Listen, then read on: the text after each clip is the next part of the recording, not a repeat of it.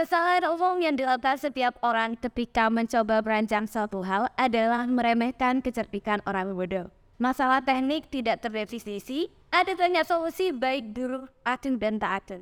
Seninya adalah sampai pada solusi yang baik. Ini adalah aktivitas kreatif yang melibatkan imajinasi, intuisi, dan pilihan yang disengaja. Road to be real civil engineer. Inilah tema podcast pada kali ini. Halo Civilian, saya Mania. Selamat datang kembali di HMS UNED Podcast. Ngobrol bareng keluarga Civil UNED.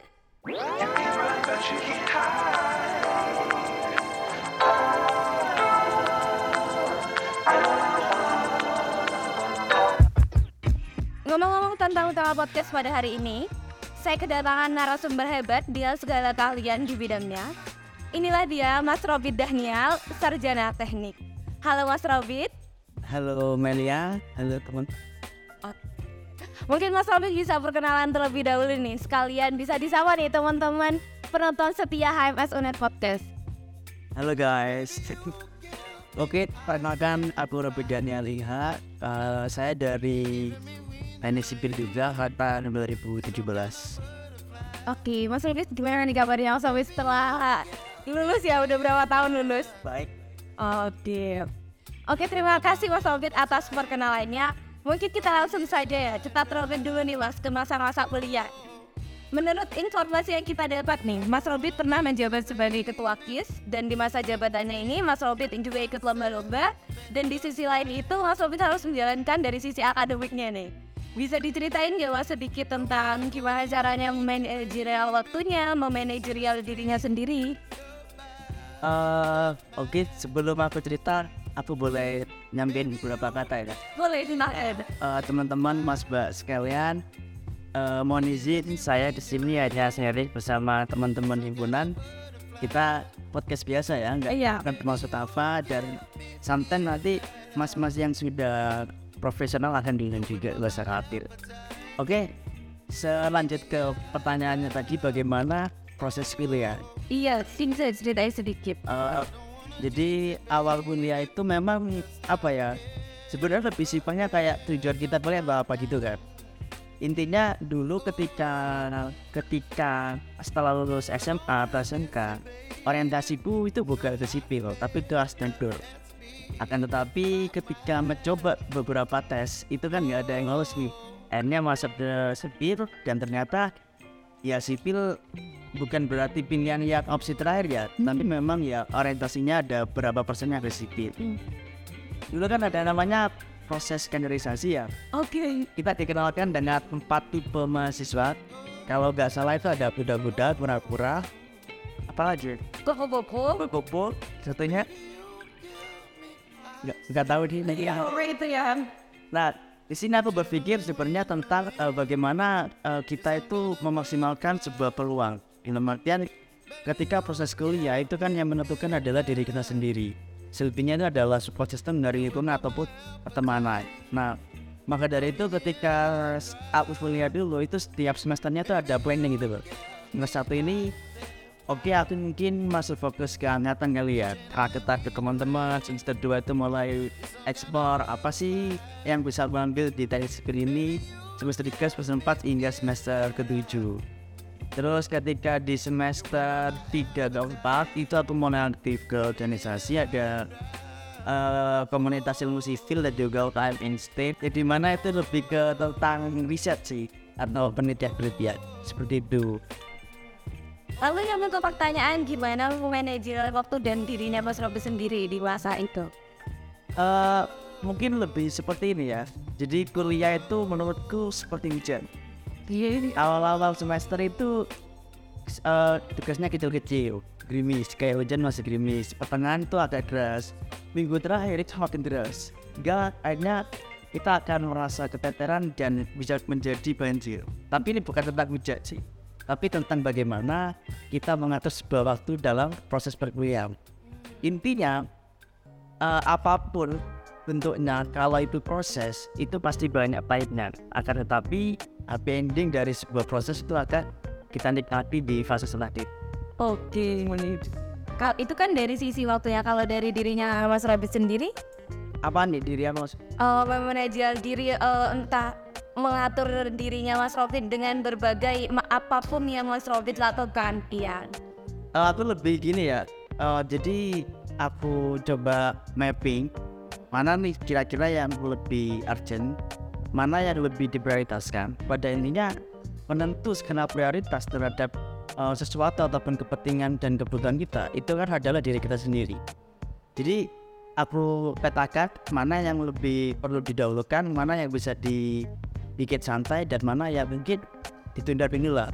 Bisa saya simpulin dari tadi Mas Robin bicara tentang planning dari waktunya, dari prioritasnya seperti itu ya Mas. Ya kurang lebihnya eh, apa ya kita kan hanya bisa berencana ya. Oke. Ya, Ya benar. Yang maksud teruslah berusaha dan pernah mengatur.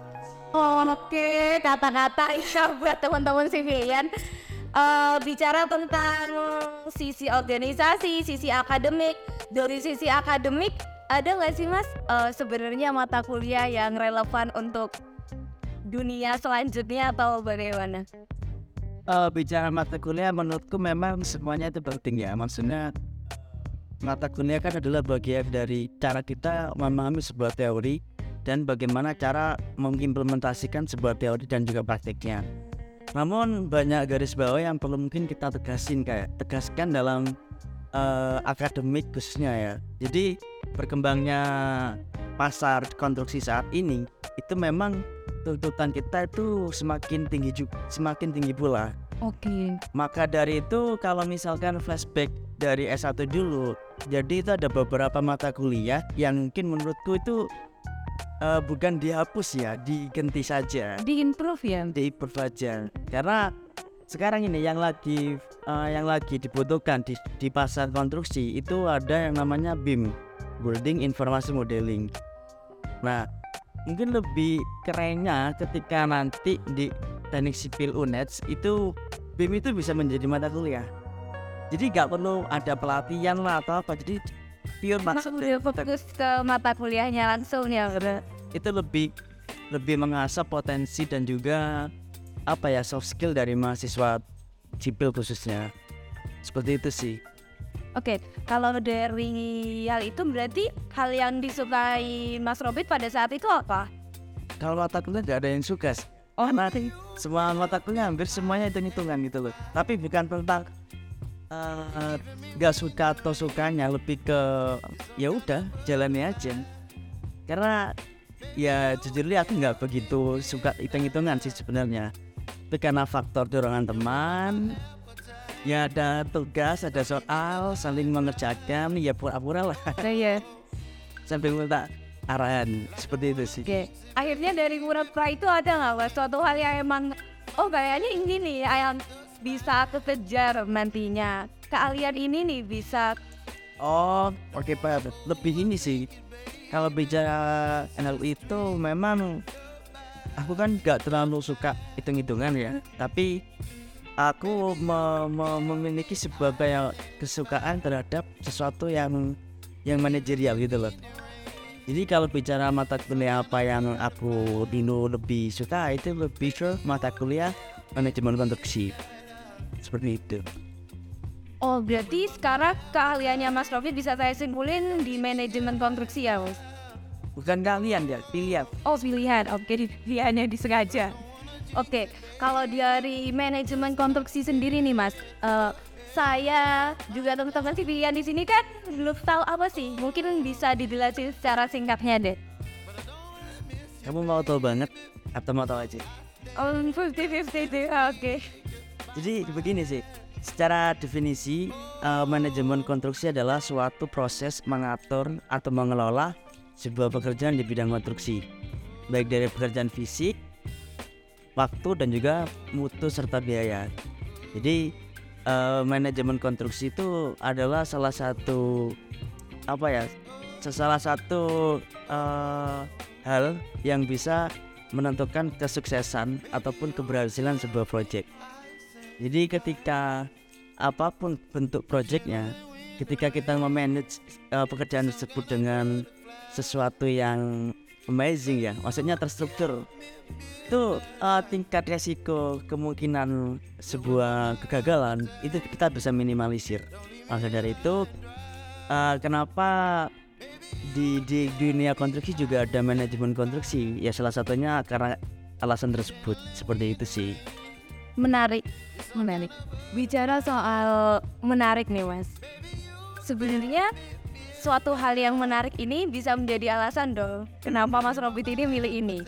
Jadi alasannya Hmm, begini kan di di apa di teknik sipil kan ada berapa perminatan lima ya tuh struk ah banyak banget enggak lima lima deh struktur hidrologi geotek sama transport dan juga manajemen konstruksi. Oh iya. nah apa alasanku dan kenapa aku memilih manajemen konstruksi atau MK karena begini aku ke struktur basicnya kan harus perhitungan dan aku gak bisa. Ke transport. Transport itu apa ya? Ya kurang lebih nggak jauh beda kayak struktur lah ya. Ada perhitungan kontur jalan geometrik jalan raya dan lain-lain. Analisa dampak lingkungan seperti itu kan. Terus hidrologi geotek juga sama.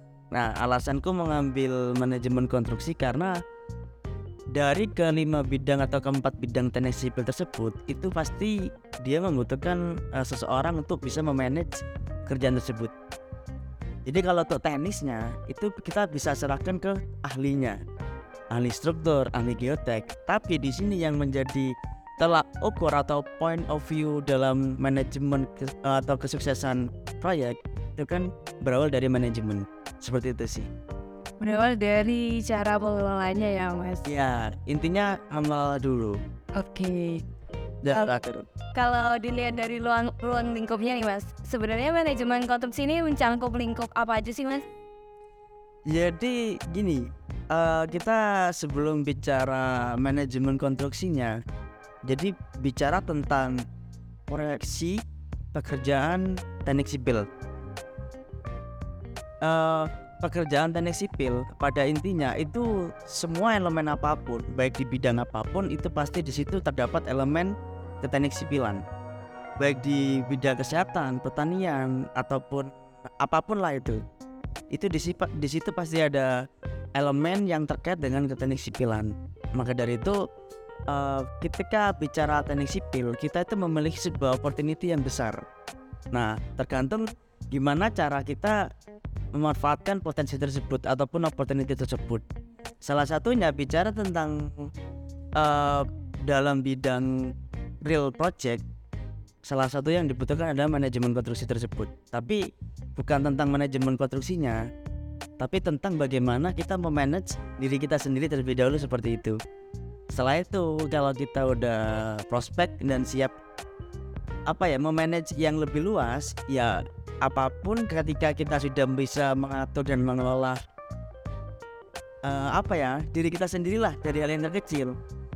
Next ke hal-hal yang selanjutnya itu kita pasti memiliki sebuah ritme atau tips and trick dalam proses memanage atau mengelola.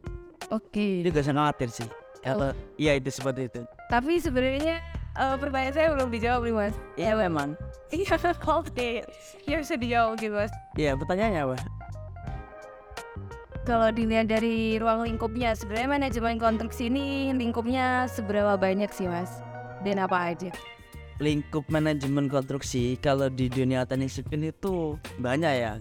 Jadi pertama kalau di corporation di BUMN itu kita bisa masuk di bagian uh, recruitment bisa ke project manager, set manager, set operasional manager, bisa ke konsultan, terus bisa ke apa lagi ya recruitment setelah itu pengadaan barang dan jasa.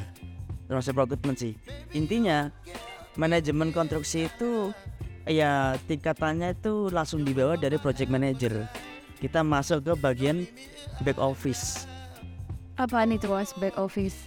ke ke di belakang kantor maksudnya jadi kita nggak nggak terlalu terjun ke lapangan ke site Kalau di dunia entertain biasanya orang yang di belakang panggung gitu mirip. belakang layar Iya. Eh, tapi orang manajemen konstruksi itu salah satu orang yang juga memiliki tanggung jawab besar ya kelihatannya kan gampang gitu ya kerja di belakang layar tapi ya tanggung jawabnya besar ya pada intinya semuanya memiliki tanggung jawab tapi ada skala apa ya levelnya masing-masing lah seperti itu kamu mau jadi PM PM itu apa? Project Manager.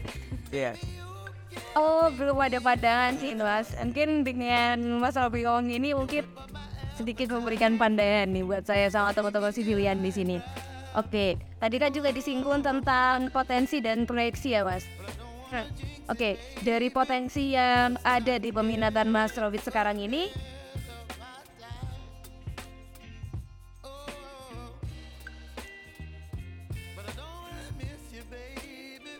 ah soal civil engineer untuk meningkatkan value-nya Mas Robit sendiri itu. Em, kembali lagi begini sih jadi ada hal yang mungkin perlu kita pahami juga intinya pendidikan itu belum tentu menjamin kesuksesan kita. Nah di sini yang yang aku alami saat ini eh, aku lebih ke ini sih membaca peluang apa yang bisa aku ambil.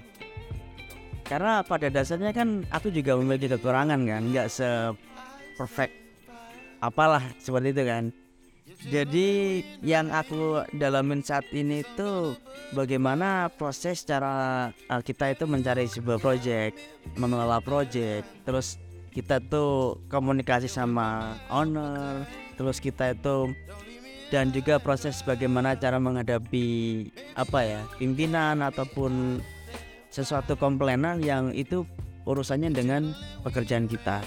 Nah, jadi itu aku mulai mendalami mulai dari awal mulanya ya freelance, pekerjaan-pekerjaan ya tentang keteknis sipilan juga. Terus akhirnya untuk sekarang aku masih mengikat ke salah satu perusahaan karena bagiku aku masih banyak kekurangan untuk berdiri sendiri. Goalsnya nanti kalau orang lain aja bisa mendirikan perusahaan kenapa kita tidak? Oke, bicara tentang opportunity nih Mas atau peluang yang Mas Robit sendiri apa gitu. Dalam mengambil peluang tersebut, apakah Mas Robit ini memperhatikan passionnya Mas Robit sendiri? Ya tentu.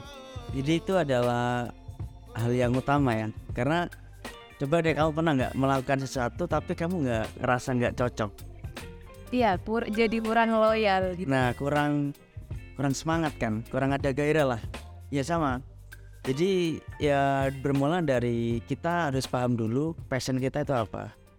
Kalau ditanya passionku apa, aku sebenarnya bingung. Tapi aku merasa menikmati ketika melakukan ini. Paham gak sih? Iya, Jadi- merasa nyaman aja gitu ya Mas. Iya lebih kalau kayak kalau ditanya apa sih passionmu aku nggak bisa ngungkapin sama kata-kata tapi ketika aku melakukannya itu kayak ngerasa enjoy aja nyaman gitu seperti itu. Nah setelah kita tahu passion dan dan dan apa yang kita sukai ya semua dimulai dari situ sih hingga terkait tentang opportunity itu nggak bisa kita simpulkan dalam salat- dalam satu waktu atau dalam satu pertemuan. Jadi kita harus benar-benar mendalami sebuah peran.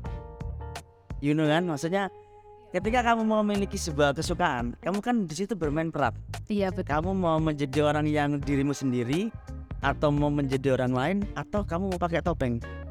Nah, dan kemudian ketika sudah menurut kita itu peluang tersebut worth it buat kita lakukan, ya apa pun tantangan dan rintangannya itu pasti kita kayak ya udah jalani aja gitu. Yaudah enjoy sama tantangannya ada ya Mas. Oke, tapi kan sebenarnya kalau peluang itu ya apa kalau Mas Robi dihadapkan dengan passion or money? Ah, itu salah satu apa ya orientasi ya. Jadi triggeran buat kita itu melakukan segala sesuatunya. Bullshit gitu loh kalau kita bekerja kalau cuma untuk cari pengalaman. Oke bener. Ya minimal kan pengalaman tapi ada uang. Ya yang pasti bicara peluang itu kembali lagi jadi semua aspek apa pun yang ada dari kita itu memiliki peluang tapi banyak hal yang membuat kita nggak sadar sehingga kita kehilangan peluang dan lantas bagaimana cara memanfaatkan peluang tersebut jadi dari aku sendiri sih yang pertama aku pastikan dan aku yakinkan resiko ke- kemungkinan terbesar ataupun kemungkinan terkecil itu dampaknya ke aku apa? Benefitnya apa? Lalu untuk sustainable keje- eh, kelanjutan selanjutnya itu kira-kira aku akan berada di posisi mana? Jadi ya faktor utama yang bisa menentukan sebuah pilihan terhadap peluang itu kembali pada diri kita sendiri. Dan sekarang yang aku lagi lihat peluang eh, saat ini kan proses pembangunan pembangunan konstruksi itu kan dibutuhkan ada yang namanya PBG perizinan bangunan gedung. Sebelumnya itu peraturannya menyebutkan namanya IMB izin mendirikan bangunan gedung. Nah di situ aku memiliki eh, membaca dan mengikuti perkembangan peraturan tersebut yang di mana menyebutkan dibutuhkan SKA atau SKT tenaga ahli dan yang paling diutamakan yang saat ini mungkin lagi agak susah dicarinya ya itu di SKA arsitektur seperti itu makanya aku ada orientasi masuk oh sorry melanjutkan studi selanjutnya Oke. Oh ya, mungkin teman-teman sivilian di sini belum tahu nih kalau Mas ini sebenarnya lulusan S1 Teknik Sipil dan melanjutkan S2 di arsitektur ya, Mas, di ITS. Ya, seperti itu teman-teman sivilian. Nah, tapi tentang S1 Teknik Sipil dan S2 Arsitektur, sebenarnya rencana apa sih yang Mas planning ke depannya? Entah untuk kehidupan intelektualnya Mas Robi sendiri atau gimana, Mas? Eh, kalau bicara rencana jujur aku sebenarnya itu nggak nggak terlalu ada rencana yang harus matang tertata gitu ya lebih kayak rencana itu berkembang sesuai dengan berjalannya kita berproses. Jadi aku waktu itu ketika S1 itu sebenarnya nggak ada rencana mau lanjut S2 nah ceritanya itu agak agak agak gimana ya? Jadi waktu itu kan sidang aku itu bulan Januari tepatnya pada tanggal 21 bulan 1 tahun 2021 tanggal yang cantik ya Nah, setelah aku lulus, jeda waktu ke wisuda itu kan kurang lebih tiga bulan. Aku wisuda tanggal 10 April. Jadi Februari, Maret, April ini waktu itu aku mengambil keputusan untuk kerja di salah satu developer yang ada di Jember di perumahan. Nah, ketika aku be- bekerja itu, aku juga eh, ingin apa ya? Ada penasaran yang timbul dari pikiranku sendiri. Simpelnya itu aku melakukan riset terhadap teman-teman angkatan. Jadi aku menanyakan dari beberapa temanku, aku sampling, "Eh, kamu setelah ini ke mana? Kuliah atau kerja?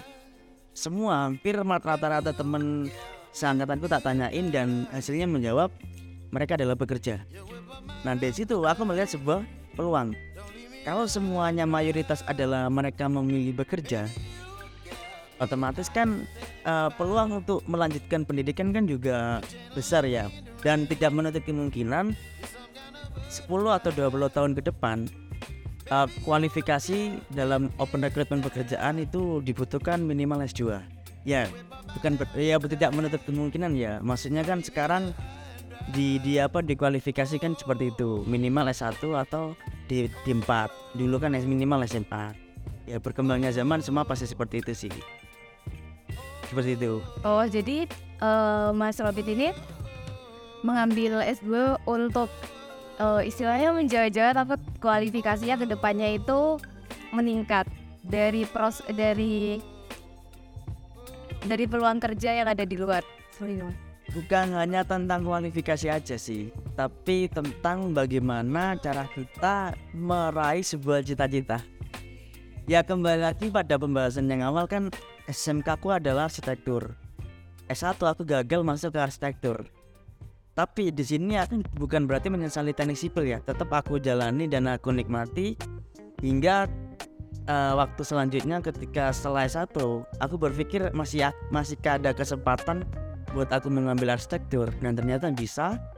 Dan eh, di situ nggak berarti tentang masalah apa ya keinginan ya saat saat tapi melanjutkan bagaimana nanti ketika aku sudah mengambil bidang yang tidak linear aku juga harus siap konsekuensi dan benefit apa yang aku harus terima. Simpelnya kalau misalkan aku mau daftar ke akademisi untuk jadi dosen itu eh, apa ya bukan kemungkinan kecil agak sulit karena background pendidikanku nggak linear dari sipil ke arsitek. Tapi kalau untuk bidang pekerjaan ataupun tentang bisnis, ya bagiku cukup memiliki potensi lah ya. Karena output sebuah perkuliahan itu bagaimana kita dilatih untuk proses ber- berpikir. Berpikir menghadapi sebuah masalah, menyelesaikan masalah dan terhadap berpikir eh, apa ya yang mungkin sekiranya hal yang terbaik buat diri kita sendiri.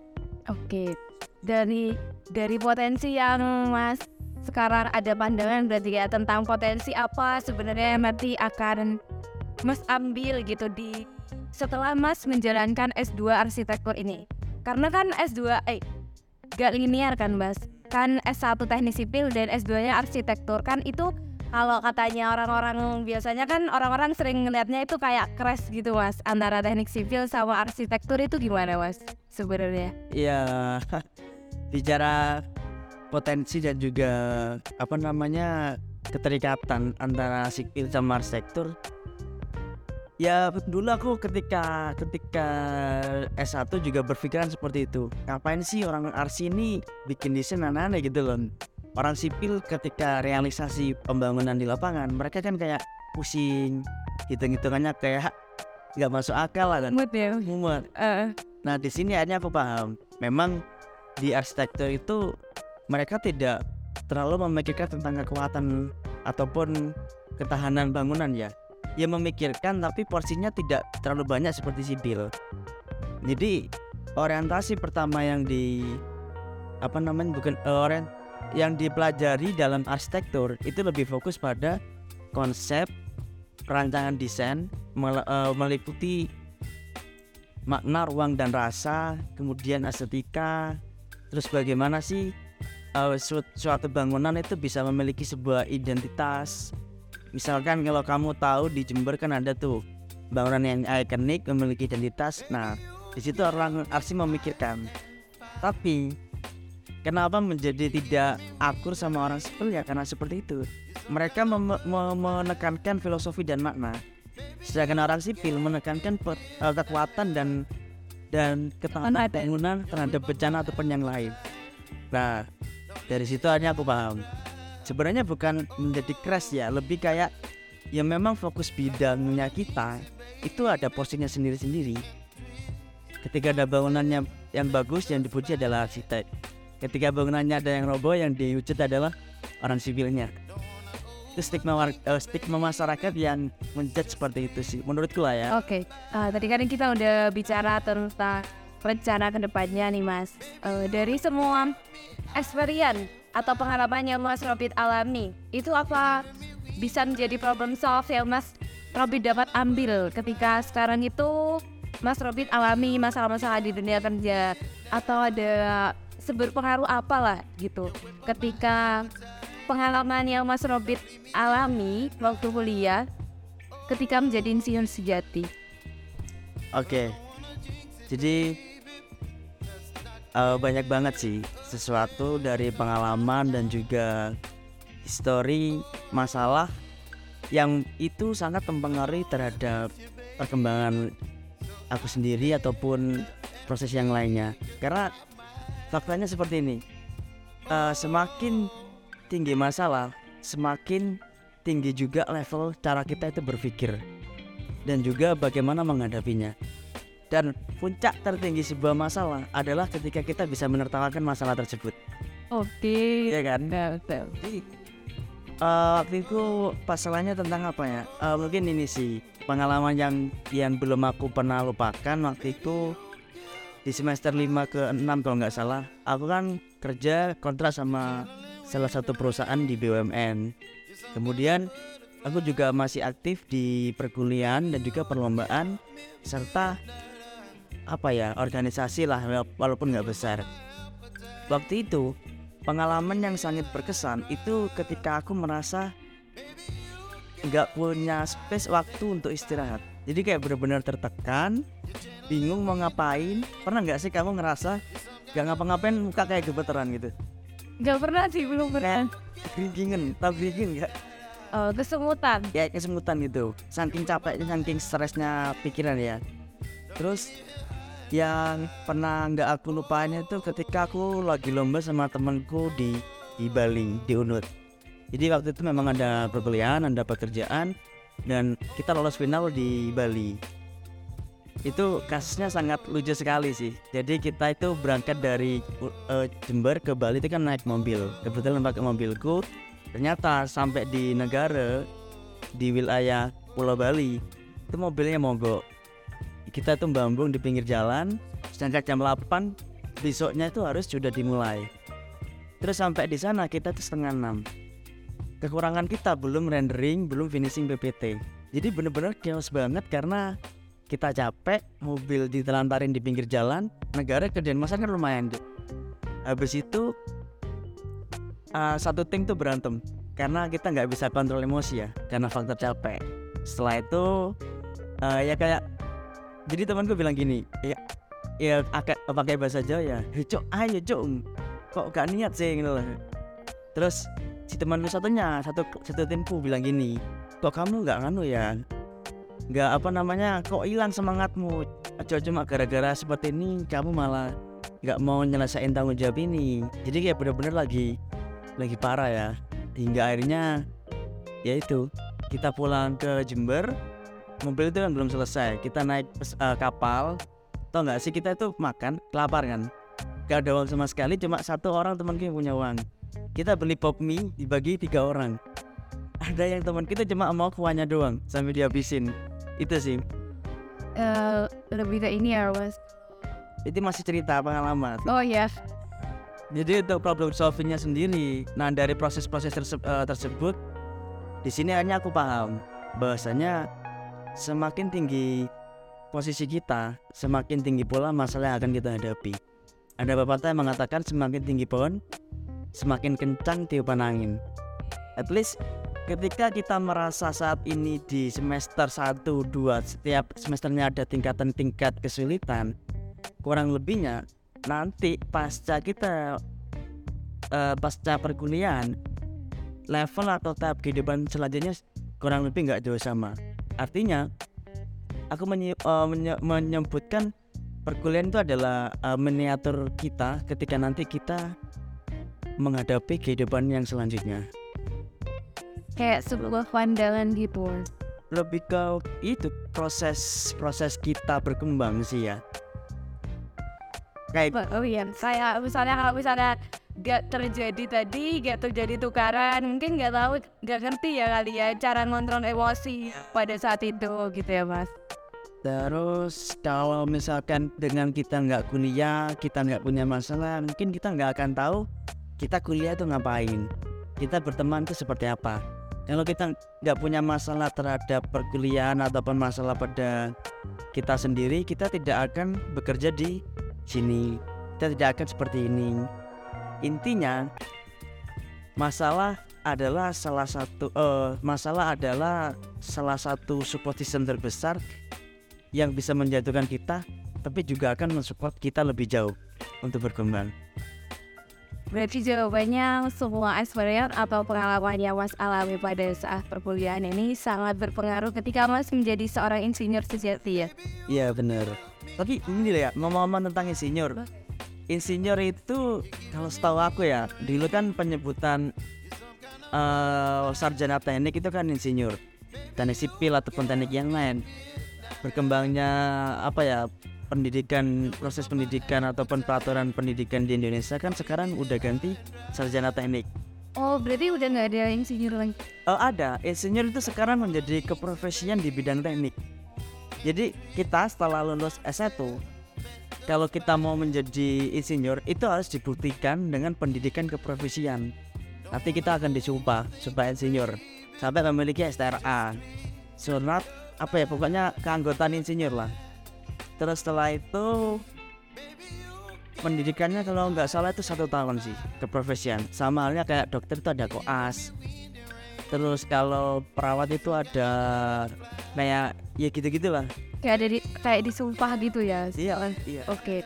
oh berarti kalau misalnya lulus jadi sarjana teknik itu belum bisa dikatakan insinyur?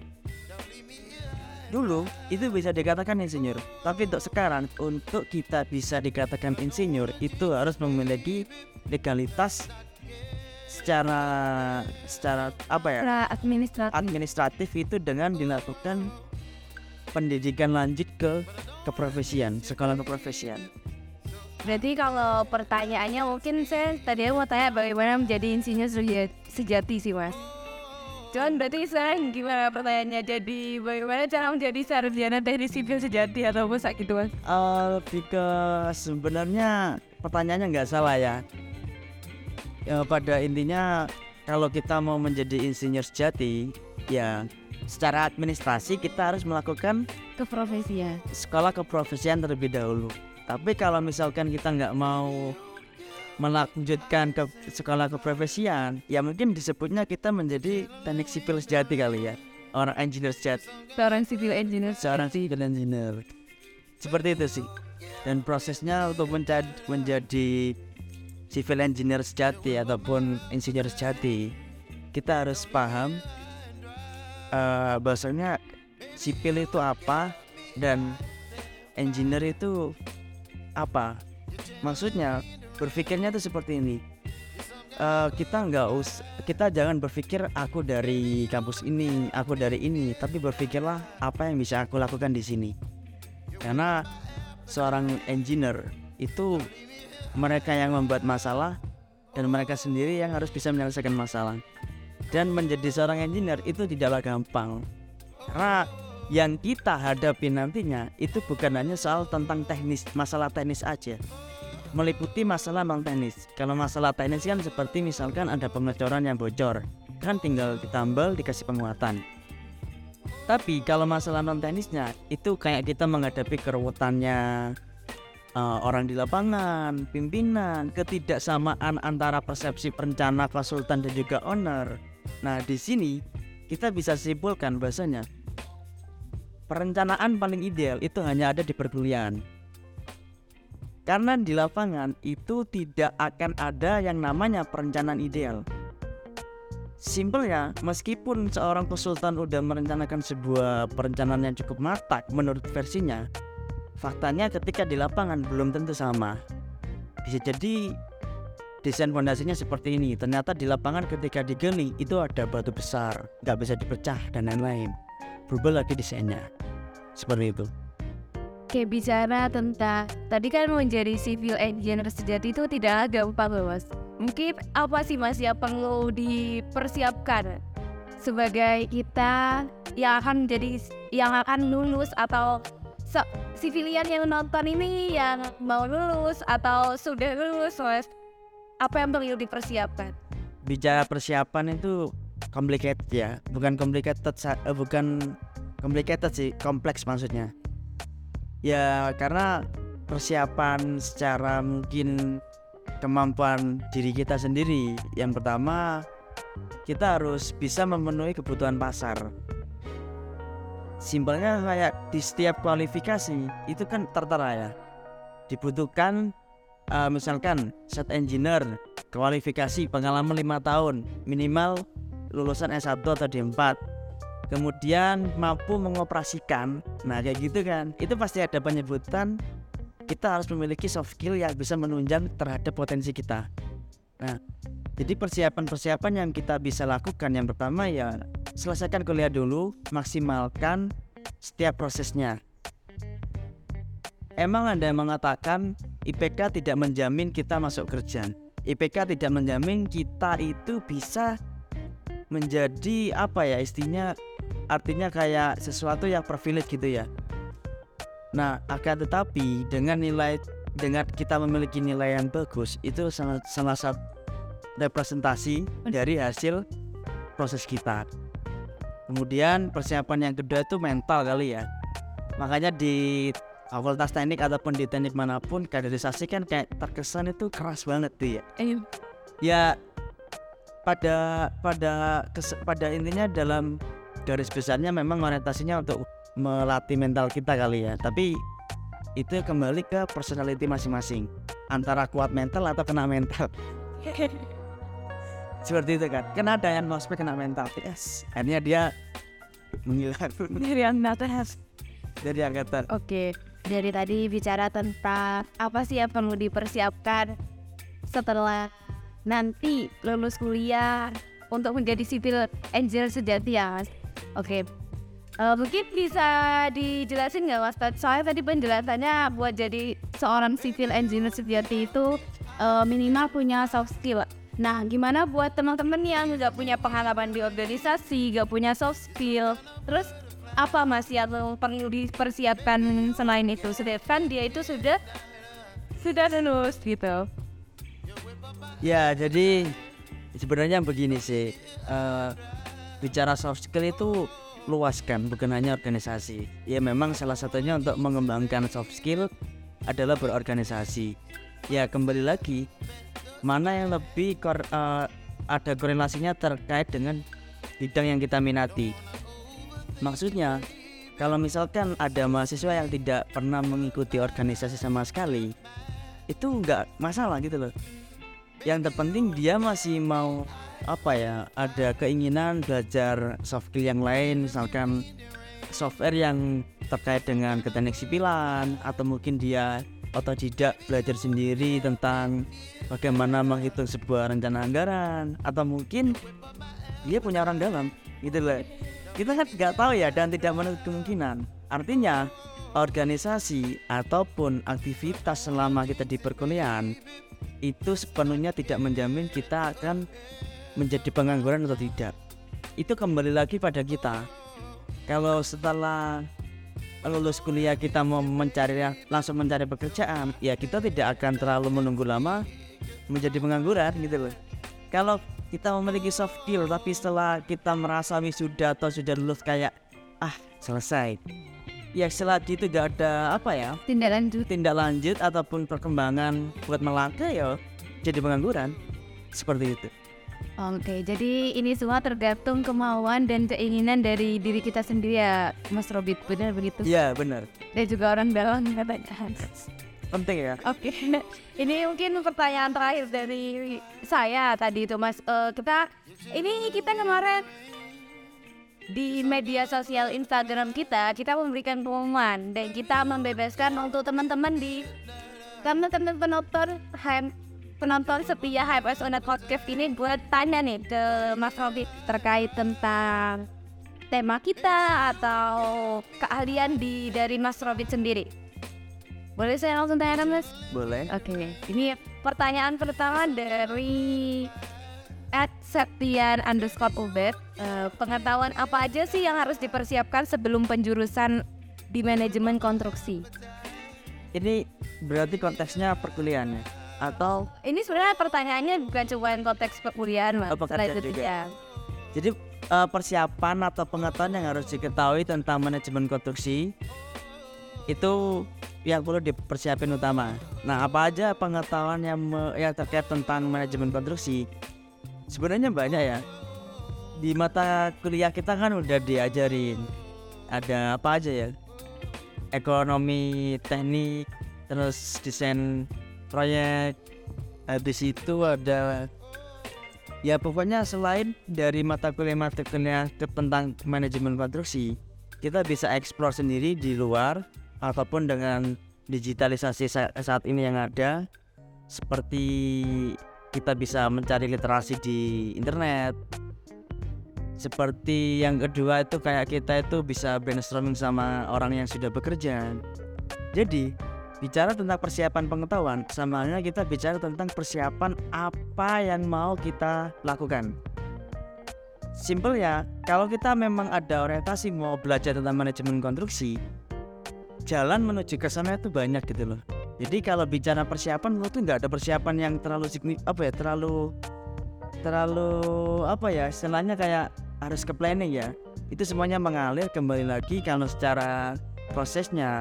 Di perkuliahan kita ada mata kuliah tersebut langkah yang kedua kita bisa eksplorisasi dari literasi dan yang ketiga kita bisa langsung cari sumber informasi dari eh, pihak atau rekanan yang mungkin sudah terjun di bidang tersebut dari situ kita bisa kembangkan knowledge yang kita dapatkan dari kuliah, dari literasi dan juga informasi.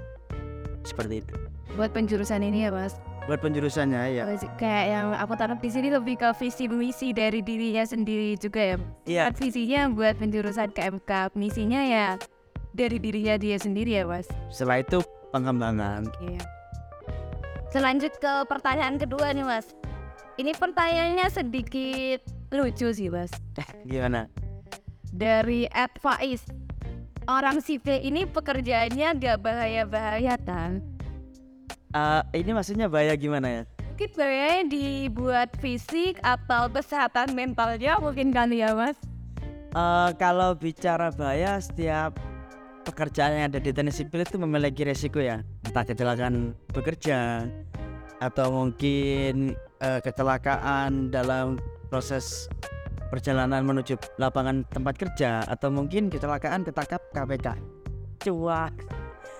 Nah jadi memang di teknik sipil itu bicara bahaya itu banyak ya. Bicaranya bahayanya itu memang kompleks baik dari bahaya teknis maupun bahaya non teknis perputaran uang di teknik sipil itu kan nilai anggaran kan fantastis ya Iya benar. siapa Sangat menggiurkan nah ya. pasti akan tergiur makanya kenapa dibutuhkan manajemen kontrak ya untuk mengelola dan mengatur keuangan tersebut Oke. itu eh, apa namanya mensukseskan dan menjalankan proyek agar amanah Oke, nenek.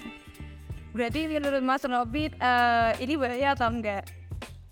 Bicara bahaya tergantung lingkunganmu Oke, mungkin eh, ini sekaligus pertanyaan terakhir dari netizen ya Mas, dari Ed Mary.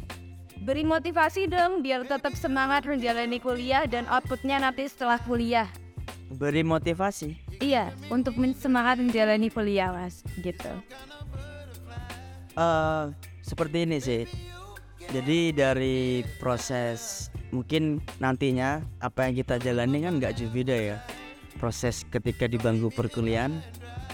Dan sekarang aku sadar bahwa pada realitanya kuliah adalah simulasi untuk melawan ego dan ambisi orang lain. Kuliah adalah menilai kesetiaan satu sama lain. Nah, di sini aku akhirnya juga sadar dulu ketika aku setiap semesternya ada target harus inilah harus itulah. Bahkan sampai setelah siji orientasinya pingin keterima kerja di perusahaan ini dan ternyata tidak tercapai karena ekspektasi yang terlalu tinggi. Di sini akhirnya aku merasa kayak ya memang salah satu masalah terbesar daripada diri kita adalah ego kita sendiri. Jadi da- dari proses kuliah ini aku sadar dengan kuliah kita bisa melawan ego kita dan juga eh, melawan standarnya orang lain karena eh, motivasi terbesar untuk kuliah yaitu adalah orang tua menurut gue ya. Orang tua kan adalah eh, orang yang paling menunggu kita segera diwisuda. Dan harapan terbesar orang tua kita adalah menyelesaikan masalah eh menyelesaikan kuliah. Sorry menyelesaikan kuliah. Jadi buat teman-teman yang sekarang masih kuliah mengeluh itu boleh. Menyerah jangan oke? Karena setiap prosesnya apalagi yang anak perantauan ya ah I feel you gitu loh. Maksudnya kamu pasti merasa orang yang paling memiliki eh, tidak memiliki seseorang yang bisa menjadi rumahmu untuk pulang. Support system. Terus yang kedua eh, di dalam sebuah proses perkuliahan itu memang tidak ada yang statis ya semua dinamis. Ya baik-baik aja mencari teman terus sering-sering diskusi lah. Mungkin culture-nya anak kuliah kan dengan ngopi ya. Ya seperti itu. Kemudian kalau misalkan ada masalah itu minimal kalian cerita ke teman terdekat supaya tidak menjadi tekanan terhadap diri kita sendiri. Dan satu yang paling perlu kita jaga yaitu jaga mental jaga mood jaga kesehatan Oke. Semoga dengan motivasi yang Mas Rofit berikan ini bisa memotivasi sivilian yang menonton HMS Unet Podcast. Oke Sicilian, banyak sekali informasi yang dapat kita ambil di podcast pada episode kali ini. Mulai dari tentang pengalaman atau experience yang dialami Mas Robit sendiri di masa kuliah, terus ada peminatan di khususkan di manajemen konstruksi itu apa sendiri dan banyak sekali tentang tadi mengenai jurusan S2 yang gak linear itu seperti apa itu kita tadi banyak banyak sekali mendapat informasi di sini saya harap dari informasi ini teman-teman sipilian di sini dapat memanfaatkan informasi dan bisa memotivasi teman-teman sipilian yang ada di sini. Oke Sicilian, sampai di sini dulu pembahasan di episode kali ini. Terima kasih sebelumnya buat narasumber yang hebat sekali ini. Terima kasih Mas Robi sebelumnya. Jangan bosan-bosan buat mengisi di episode HMS Unet Podcast ini. Oke, sampai jumpa di HMS Unet Podcast. Bye.